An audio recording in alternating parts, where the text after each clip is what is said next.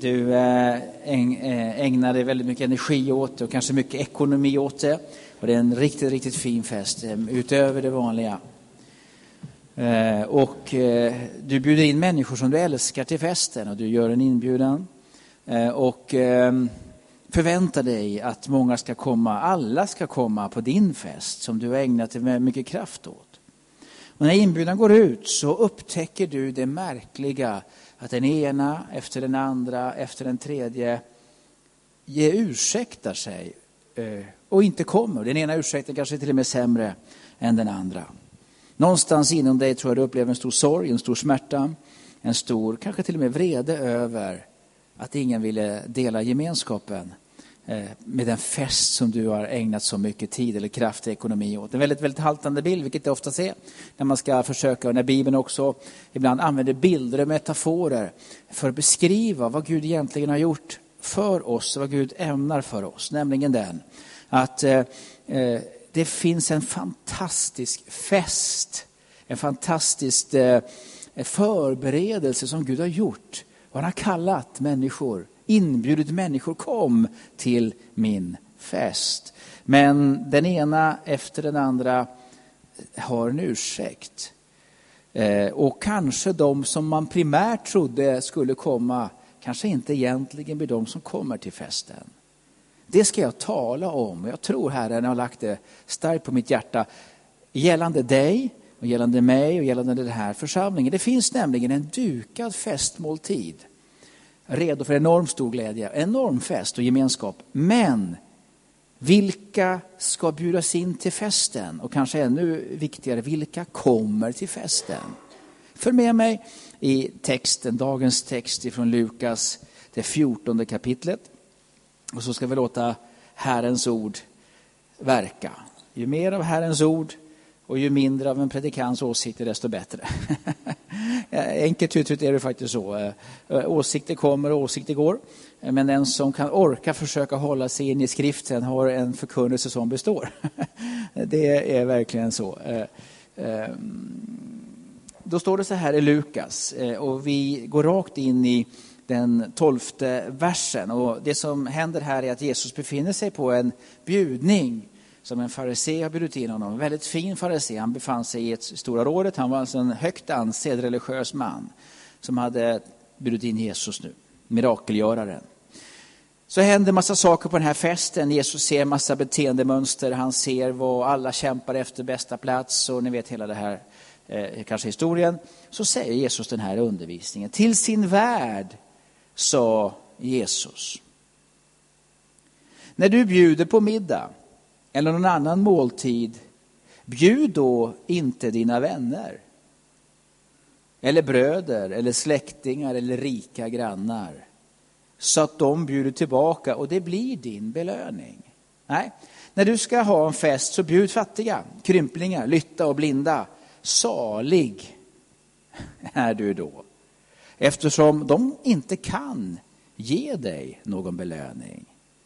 Belöningen får du vid de rättfärdigas uppståndelse. En av gästerna som hörde detta sa till honom, salig är den som får vara med i måltiden i Guds rike. Och Jesus börjar tala igen. Han är inte otroligt social, jo han är extremt social kompetens, men han följer inte alla givna mönster, det kan jag ju säga. En man, säger han, skulle ha en fest och bjöd många gäster. När festen skulle börja skickade han sina tjänare att säga till de inbjudna, välkomna, allt är färdigt. Men alla hade de någon ursäkt att komma med. En lät hälsa, jag har köpt en åker och är tvungen att gå och se på den, förlåt att jag inte kan komma. En annan sa, jag har köpt fem par oxar och måste ut och se vad de går för, förlåt att jag inte kan komma.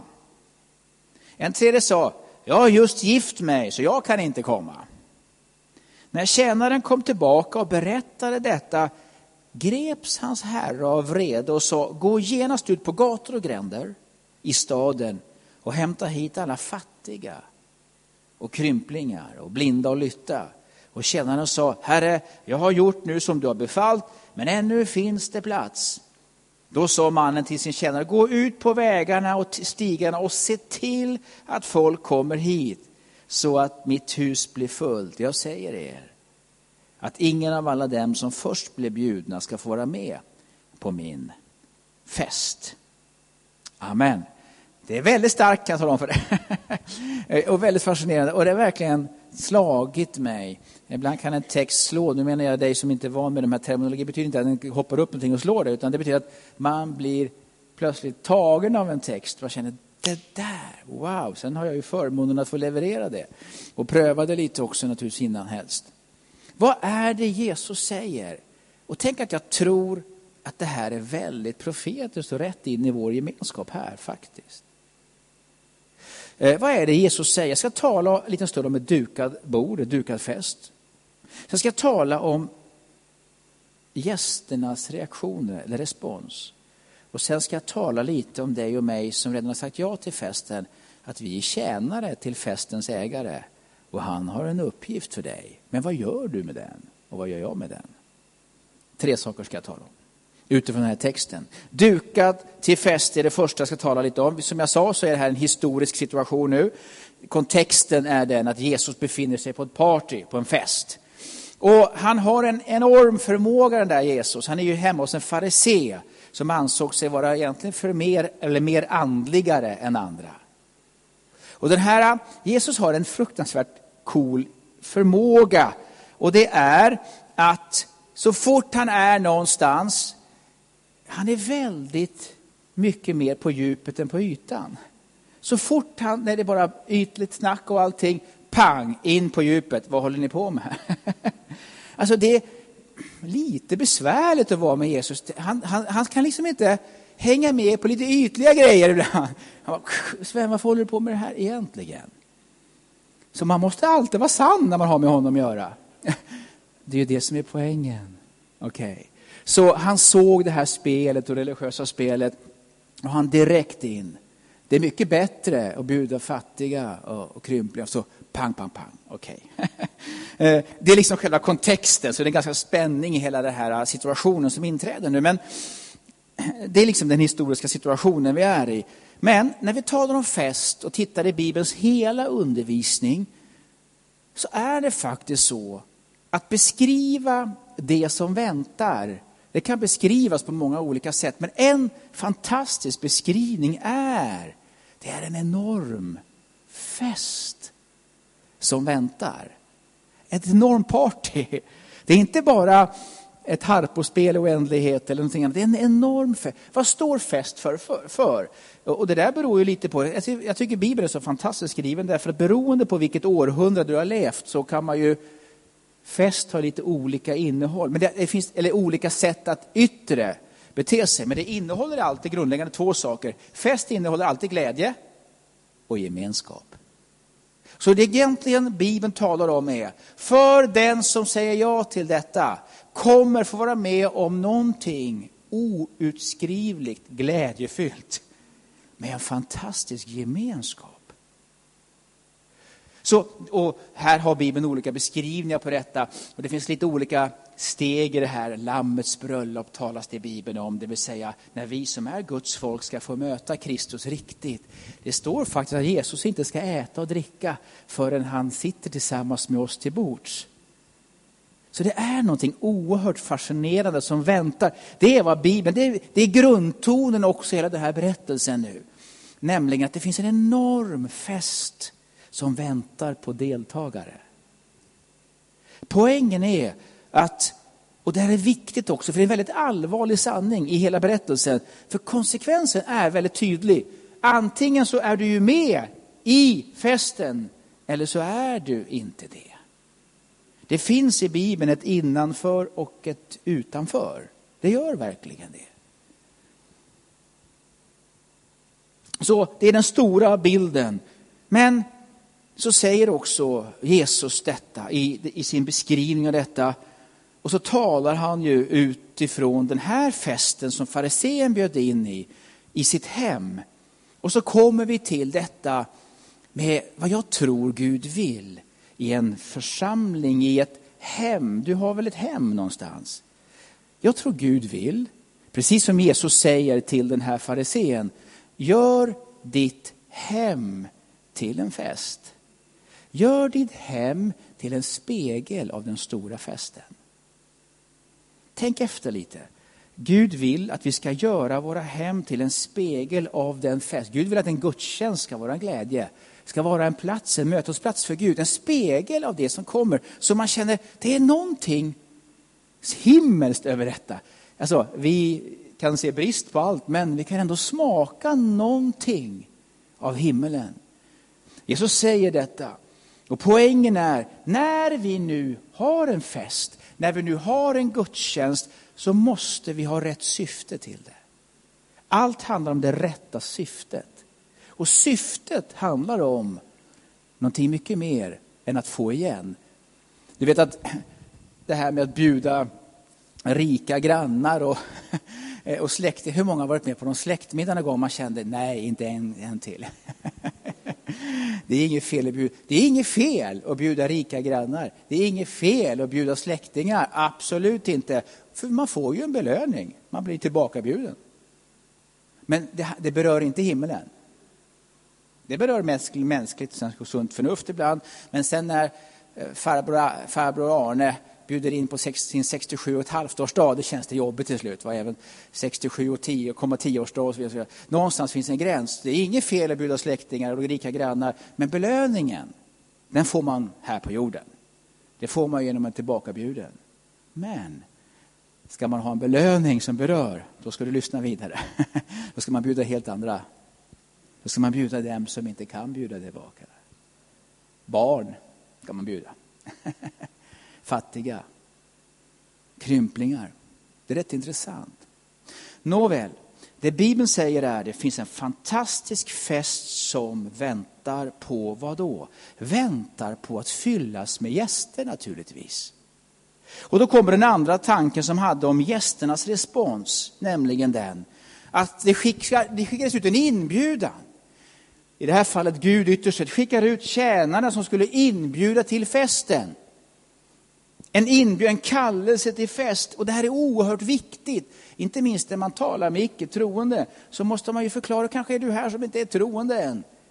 Man är inte tvångsansluten. Har du blivit tvångsansluten till en fest någon gång? Det kanske man, om man sitter i fängelse kanske man ibland måste fira fängelsedirektörens hundraårsdag. I don't know. alltså, tvångsansluten förstör gemenskapen på en fest.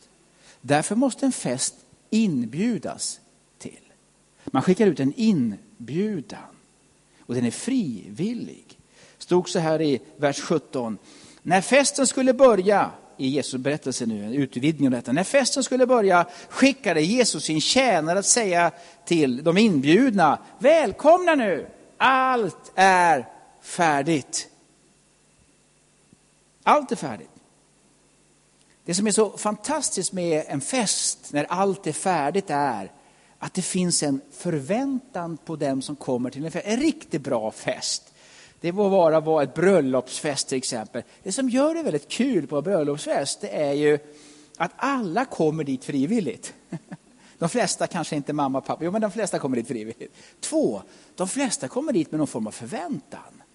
Det ska bli kul, det ska bli, det ska bli roligt det här. Och alla kommer dit uppklädda alla kommer dit förberedda för någonting. Och nu ska du förstå en väldigt intressant aspekt. I ett orientaliskt bröllop, för, för att förstå perspektivet, i ett orientaliskt bröllop, eller eh, av den här arten, där var det inte eh, gästerna som stod för sina bröllopskläder. Där var det inbjudaren som stod för bröllopskläderna. Så även den mest fattiga, även den mest, alltså, eh, minst, minsta möjlighet. Sa man ja till festen så kommer man till festen tar av sina gamla palter och så får man bröllopskläder. Vilket innebär att ingen kan säga säger nej på grund av att jag har inte råd att gå på en fest. Annars kan det ju vara så. Jag var, blev bjuden på en fest en gång där man måste ha frack. Jag, min första reaktion till min fru var, ge mig ett genombrott. jag har ingen frack, jag kanske haft det en gång men det var för 10 kilo sedan. Så, att, eh, eh så vi fick gå och hyra en frack. Det kostade, det kostade mer att hyra fracken än vad käket kostade. Men min vän, eh, nåväl. Inbjudan, gästernas respons. Okej, okay. då säger alltså den här eh, i berättelsen, ägaren till fest, Gud ytterst sett, säger till tjänarna, gå ut och bjud in till min fest. Och tjänarna går ut och bjuder in människor. Kom till Guds fest. Allt är ordnat. Ni behöver inte förbereda dyra kläder. Allt är gjort. Och det här är ytterst sett en bild på att Jesus Kristus har ordnat allting. Det är nåd alltsammans. Inbjudan är av nåd. Och när du kommer och säger ja så klär han dig i nya, rena, fina kläder och du får vara med i gemenskapen. Det intressanta är responsen. Och jag tror att vi kan känna igen och konvertera den här berättelsen och liknelsen rakt in i vår egen tid. Varför är det och vad, vad händer med inbjudan till Guds fest? Väldigt många kommer med följande ursäkter. Men alla hade någon ursäkt att komma med. En lät hälsa, jag har köpt en åker och är tvungen att gå och se på den. Förlåt att jag inte kan komma. Jag har köpt en åker. Är det någon av er som har köpt en åker utan att ha sett på den först? Det är ganska väldigt många av oss som inte har köpt en åker överhuvudtaget. Men, men, men om du konverterar en åker till att du har köpt en fin egendom. Hur många har köpt ett hus utan att ha sett den? Det är något som inte stämmer här. Jag har köpt en åker och jag måste gå och se på den nu. Det stämmer inte. Det är någonting annat bakom det här, eller hur? Det handlar om någonting helt annat. Jag tycker den här åkersnubben, han, han, står, han står en representant, och inte nog med att även om han nu har köpt en åker som han inte har sett, ja den står väl kvar efter festen i så fall, eller hur? Alltså han kan gå och se den imorgon. Alltså, så hur man än vrider och vänder på det så är det ett uttryck för väldigt dåliga ursäkter. Människor, och det är jättemånga människor, som kan höra budskapet om det finns ett evigt liv. Det finns en fest, det finns någonting. Eh, och man kan komma med vansinnigt dåliga ursäkter som inte håller för en analys djupare än en tanke. Den andra kategorin av människor med sina ursäkter, det är sådana som säger så här. Ja, eh, eh, det står här i vers 19. Jag vet text. En annan sa, jag har köpt fem par oxar och måste ut och se vad de går för. Förlåt att jag inte kan komma. Ja, men hur många har köpt oxar? Fem par oxar, det är ingen av er som har köpt oxar. Men jag menar, man köper inte oxar och ser sen vad de går för. Va? De är kanske oxar som är 49 år gamla, de är redan slaktade nästan man får dem. Eh, nej, man gör inte det. Men fem par oxar, till skillnad mot åkrar, har ett behov av omvårdnad och hjälp. Jag ser det här människor som är så fullkomligt upptagna med allt av ansvar, allt av vad man har köpt, allt av vad man har. Man hinner inte. Det är det som är orsaken. Man är så oerhört... Har ni mött någon människa? Har ni, har ni någon gång hört en människa i Sverige som säger, nej jag hinner inte? Har ni mött någon som säger så? Nej, är det säkert? Ja, jag tvärtom. Jag har nästan aldrig hört en människa som inte säger så. Jag har nästan inte hört en svensk som säger, Sven, jag hinner allt. Jag hinner allt. Eh, skulle, skulle jag möta en människa och säga, men vad är det? Då skulle jag möta en människa som lever i psalm 1, vers 1. Säll är den man som inte vandrar i det ogudaktigas råd eller träder in på syndarens väg eller sitter där bespottade sitter utan har sin lust i Herrens lag, tänker på hans lag både dag och natt. Han är som ett träd planterat vid vattenbänkar vars blad inte vissnar och allt vad han eller hon gör lyckas väl. För hon ju gör bara det Gud vill. Vi behöver aktivt slakta oxar. Vi behöver aktivt, och jag talar till mig själv, det är det som är så jobbigt. Jag, jag, jag får jämt vara på mina egna predikningar. Eh, men vi behöver aktivt sluta göra saker för att kunna göra det vi kan lyckas med. Vi behöver aktivt sluta med det. Därför annars blir jag, jag vet att det där är en härlig grej, jag vet att det där är bra, men jag, nej det hinner inte. Jag har en massa oxar, jag måste se vad de går för. Det vill säga, vårt problem är inte att vi gör för lite. Vårt problem i vårt land är att vi gör alldeles för mycket. Och därför blir det bara yta, yta, yta. Och vi går lika oförvandlade från varje möte, eller från varje möte med varandra. Men när man möter män och kvinnor som har med Gud att göra känner man, wow, här var det djup. Här var det relevans. Är ni med mig? Ursäkterna kan vara vansinnigt dåliga, men de kan också vara äkta och sanna. Jag har så många oxar så jag klarar inte ens av att släppa dem. Är ni med mig? Alla världsliga bekymmer tränger in och förkväver all skörd för Guds rike. Tredje kategorin, den var väldigt märklig. En del av er längtar efter detta. Och det är, en tredje sa, jag har just gift mig. Så jag kan inte komma. Ja, men ge mig, ta med frugan då. Eller gubb, det, vad, är det ett hinder? Min vän, för mig gift handlar om relation. Jag tror det här är människor som kanske inte i första hand äger massa åkrar eller i första hand är dumma, eller, men man har relationsbindningar som gör att man aldrig kommer in. Man har gift man är, man är, man är förbunden med massa relationer. Det kan vara äktenskap som gör att man inte kommer in i Guds rike. Man vet inbjudan till festen, men man, man säger nej till en evighet med Gud därför att gumman vill inte det. Eller för mamma har en annan åsikt. Eller vad ska arbetskamraterna säga? Eller, är ni med mig? Att sälja en evig gemenskap med Gud för en mänsklig begränsad relation. Man måste sätta det i perspektiv. Men jag tror fler behöver bli brutna, inte att vi ska bryta äktenskap, men man ska bryta felaktiga band, till och med ett äktenskap. Man ska bryta felaktiga band och bojor så att man är fri att göra det Gud vill. För enda chansen att få med din syster, din bror, din mamma, din man eller kvinna eller vad det nu är på Guds väg är ju inte genom att du är olydig, det är genom att du är lydig. Med respekt naturligtvis och kärlek och förstånd. Är ni med mig i tanken här? Det vill säga det finns ett dukat fest. Det finns en fantastisk party där Gud själv bjuder dig och mig genom det Jesus har gjort. Han bjuder alla, alla ska kunna komma till min fest. Men den ena efter den andra efter den tredje kommer med ursäkt efter ursäkt efter ursäkt. Vad händer då? Då händer, och jag är snart på väg in i en, riktig, en viktig poäng i berättelsen. För det händer något väldigt intressant. Jag vill först bara säga, det blir en konsekvens av nej. Vi är så vana i Sverige tror jag, kanske speciellt i vårt land, att vad vi än gör så funkar det väl ändå. Men det finns en konsekvens av oviljan. Vad händer när ägaren, i det här fallet Gud, när tjänarna kom tillbaka, berättade detta, greps han, hans herre av vrede, står det.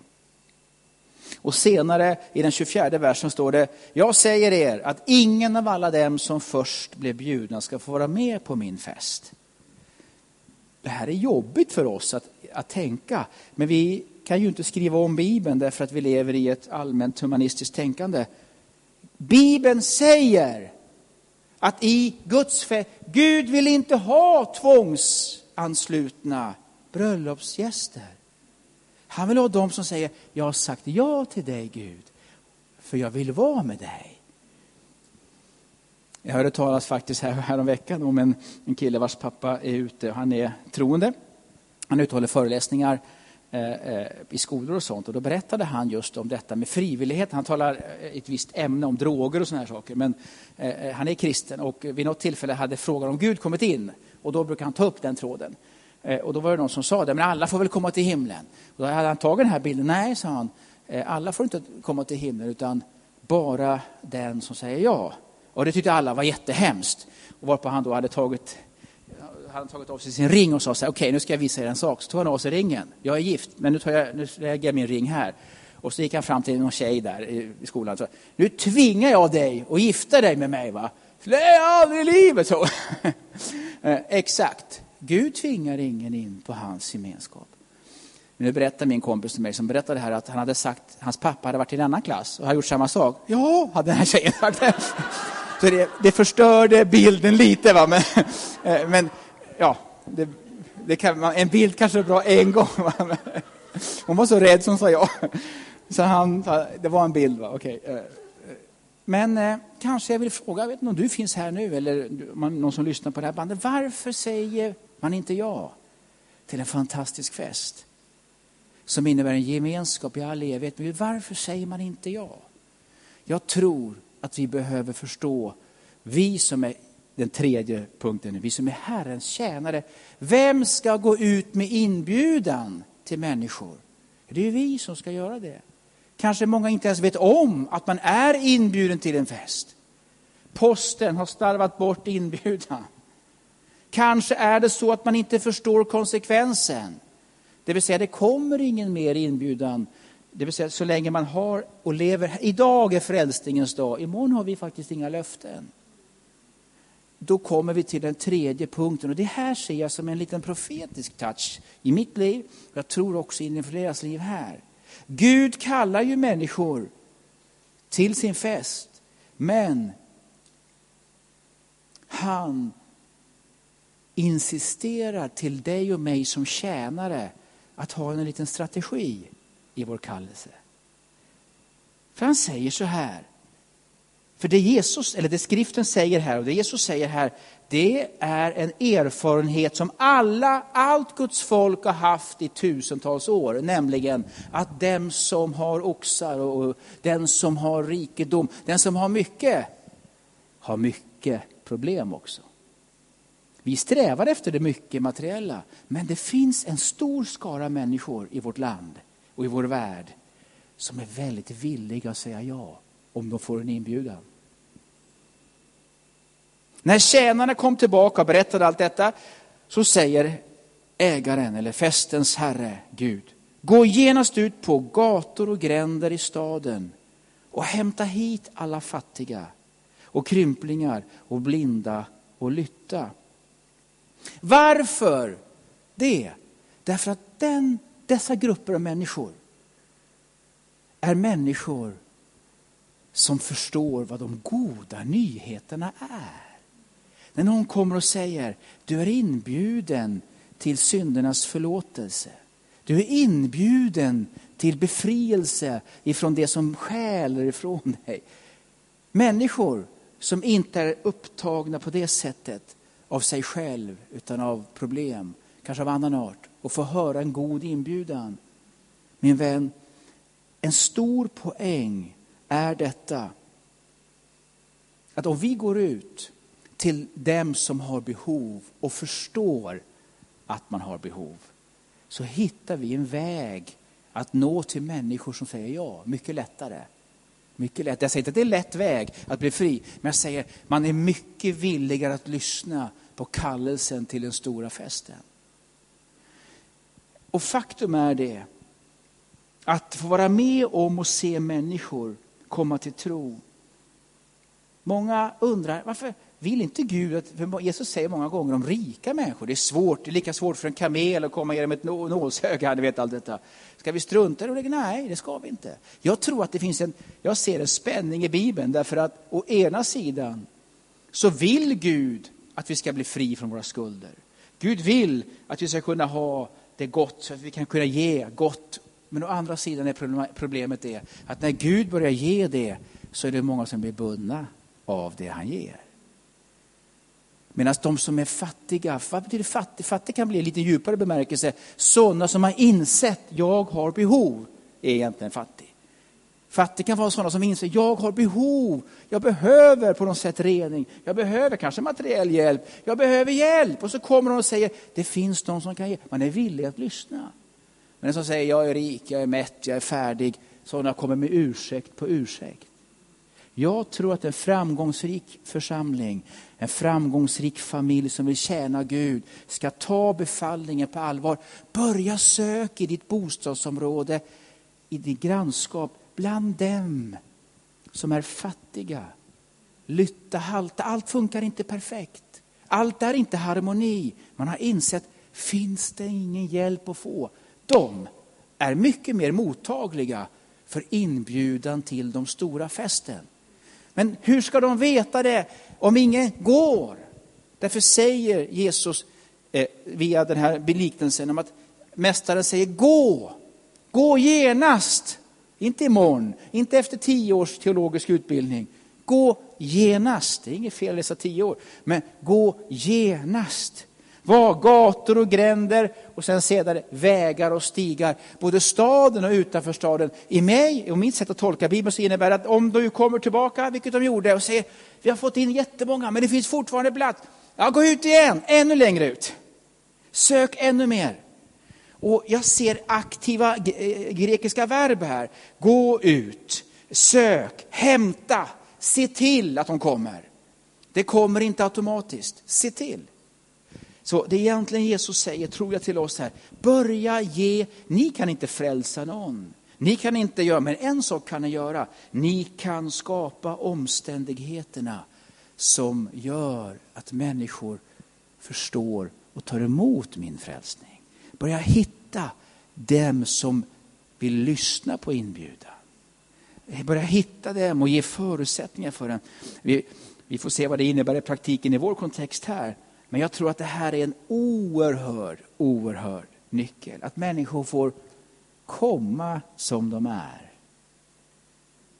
Komma som de är. Min vän, vi ska landa här, när jag predikat en 30 minuter ungefär, kanske ännu mer. Men jag vill bara säga så här. Jag skulle vilja se ett fullt hus av människor som längtar efter Gud. Vill höra mer. Vad är det här för inbjudan? Jag skulle längta efter det. Men jag är rädd för att om jag krackar runt i vissa karaktärer, vad vi nu än gör, så är jag ganska, ganska säker på att väldigt många har många ursäkter. Men om vi är villiga att börja kliva ner i lite mer gyttjigare miljöer och säga, skulle du vilja komma? Så har jag en känsla av att vi kommer nå fler. Förstår ni vad Jesus talar om? Och då handlar det om vår egen kärlek till Jesus och vår egen, eh, vår egen längtan. Och det intressanta tycker jag, för Gud säger så här, eller Jesus säger så här i liknelsen. Gå ut på vägar och stigar och se till att folk kommer så att mitt hus blir fyllt. När det är fyllt, då stänger jag portarna. Det vill säga, det kommer en tid, det gör det för alla individer. Om inte annat så när du kliver ur tid och rum, när porten stängs för dig. Men det kommer tror jag också kollektivt. Bibeln talar bland annat i Romarbrevet om när hedningarna i fullt antal har nått, då ska slutet komma. Så det finns en tidsaspekt i allt sammans. Jag vet inte, jag och ah, min älskade fru som stod här framme, eh, vi talar väldigt mycket i vårt hem om Gud, hur ska vi göra? På vilket sätt? Vi hade här om, i fredags eh, våra Petraledare, vilket i det här fallet är våra cellgruppsledare hemma hos oss. Och vi satt och samtalade om detta att vi behöver fylla våra gemenskaper, våra Petra-grupper, våra hem, våra familjer, vår församling. Vi behöver fylla det med, med rent vatten som kan hjälpa människor som är fattiga, som kan hjälpa människor förstå vad det handlar om. Inte att komma med i en religiös klubb, inte att komma med i det rikas förening, utan att komma med i dem som har sagt ja till kallelsen till himmelen, till Guds fest, till Guds rike. Så att det blir fullt i mitt hus.